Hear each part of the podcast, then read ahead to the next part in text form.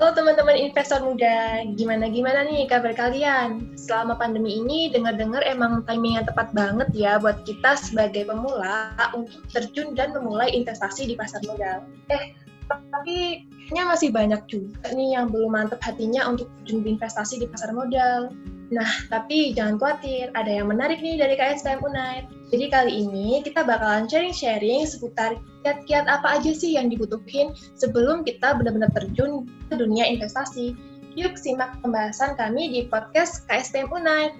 Di sini ada aku, Putri, dan juga dua teman-teman dari Divisi Ristek. Halo Dewi. Halo Putri. Dan juga halo Michael. Halo Putri. Nah, jadi gini nih deh, Michael, tujuan dari investasi itu sendiri gak bohong ya, kan pasti pengen cari cuan. nah, kira-kira itu apa sih yang perlu disiapin jadi kita nggak tersesat pas udah terjun berinvestasi di pasar modal?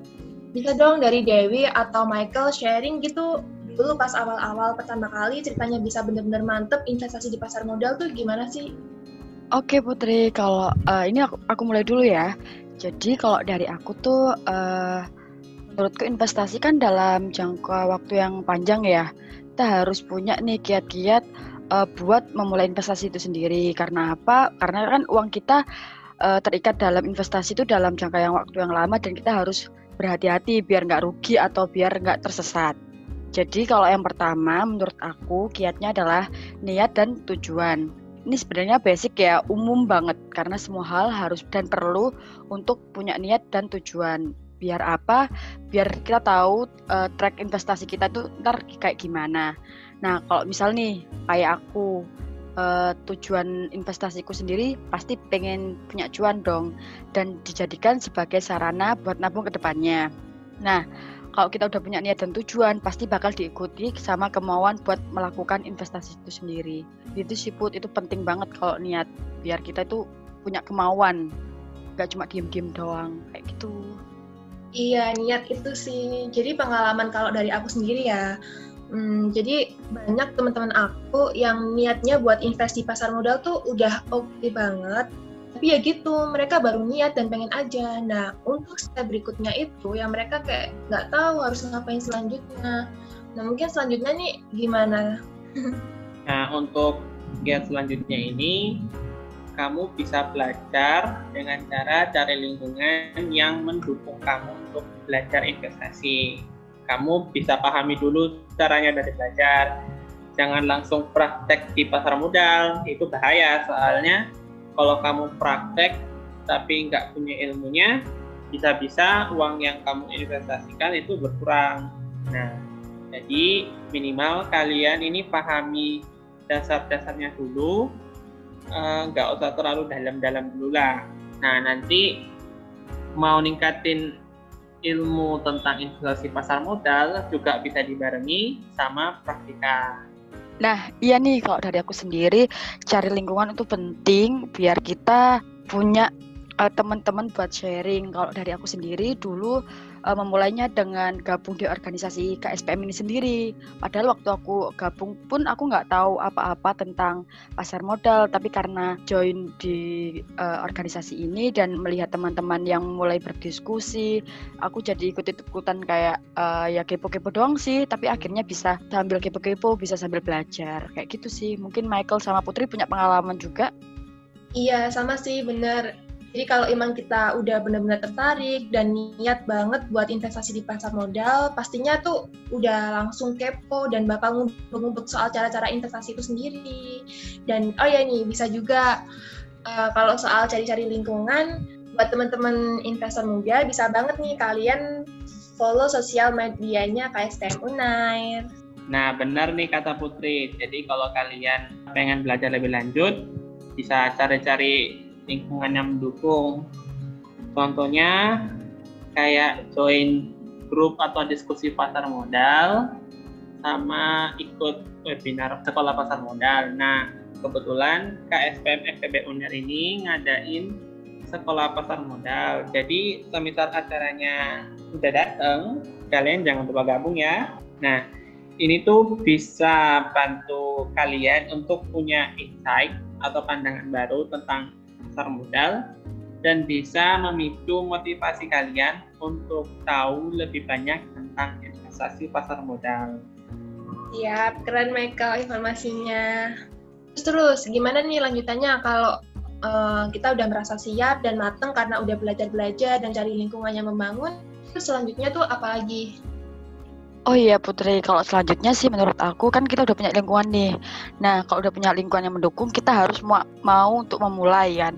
Nah mulainya itu secara perlahan dulu aja, jangan langsung agresif. Karena kan di sini kita baru pemula nih. Jadi kayak semisal kalau aku dulu memulainya dengan konsep nabung saham, di mana per bulannya aku pakai uang 100 ribu. Ini uh, pakai uang 100 ribu buat aku belikan saham setiap bulannya. Jadi dalam setahun aku bisa uh, punya uh, saham senilai 1,2 juta nih kan lumayan tuh uh, mulai sedikit-sedikit namun lama-lama jadi bukit kayak gitu sih karena apa pelan-pelan tuh kita bisa buat adaptasi dulu buat memahami pola pasar modal itu kayak gimana nah kalau udah kita paham baru deh mulai tuh kalau kalian mau agresif atau mau nabung sejuta per bulan ya silakan kalau kalian udah paham tentang dunia pasar modal gitu Hmm, oke okay, oke. Okay. Berarti main aman dulu gitu lah ya. Bener Put. Mungkin kalau kamu dulu gimana Put atau Michael awalnya? Kalau dari aku sama sih invest dulu sekitar 300 ribuan dulu itu. Jadi gak berani banyak-banyak kan uh, kayak masih pemula, nggak mau nanggung resiko banyak-banyak juga. Bener sih, apalagi pasar modal kan emang ya cukup beresiko tapi aman. Makanya itu perlu di uh, minimalisir resikonya dengan memulai secara perlahan. Uh, berarti sebelum kita mulai secara perlahan nih, perlu siapin uangnya dulu dong pastinya. Kalau gak ada uang kan mana bisa ya kita mulai start investasinya. Nah benar nih Put, kalau kita pengen invest kan tujuannya itu untuk jangka panjang nih. Jadi kita juga harus sediain dana yang kemungkinan itu nggak bakal kita pakai dalam waktu dekat. Nah, misalnya nih, kita sebagai mahasiswa belum punya kerjaan, tapi kita cuma punya tabungan dari orang tua. Nah, itu nggak bisa semuanya kamu masukin ke investasi.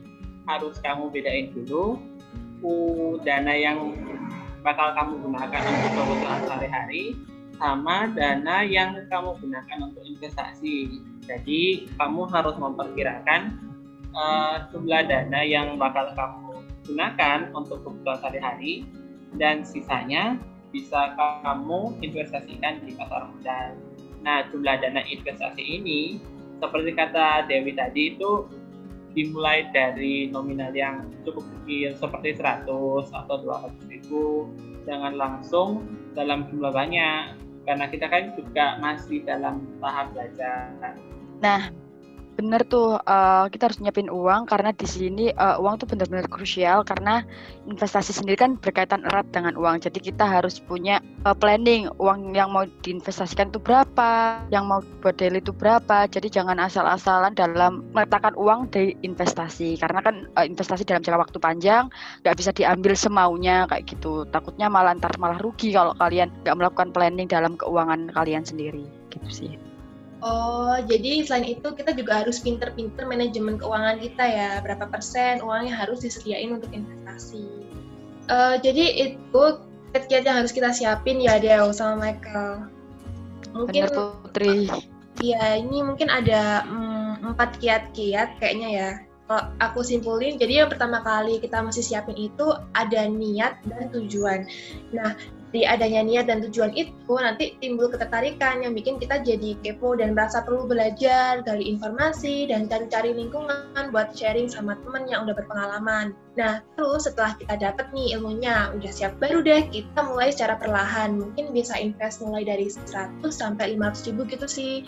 Terus untuk kelanjutannya, kita juga harus pintar-pintar manajemen uang kita. Berapa persen yang harus disediain untuk investasi. Dan disisain berapa gitu untuk investasi Nah, sekarang teman-teman udah tahu kan? Terus untuk Dewi dan Michael, uh, terima kasih juga ya udah mau sharing-sharing informasinya, bermanfaat banget sih. Apalagi buat teman-teman calon investor yang sekarang ini mm, masih ragu-ragu dan belum mantep buat invest di pasar modal. Ya, makasih ya Putri udah undang kami, udah dipercaya. Makasih. Ya, makasih ya Putri. Nah, untuk teman-teman investor muda, terima kasih ya sudah menyimak podcast KSPM Unair dan sampai jumpa di episode podcast KSPM Unair selanjutnya.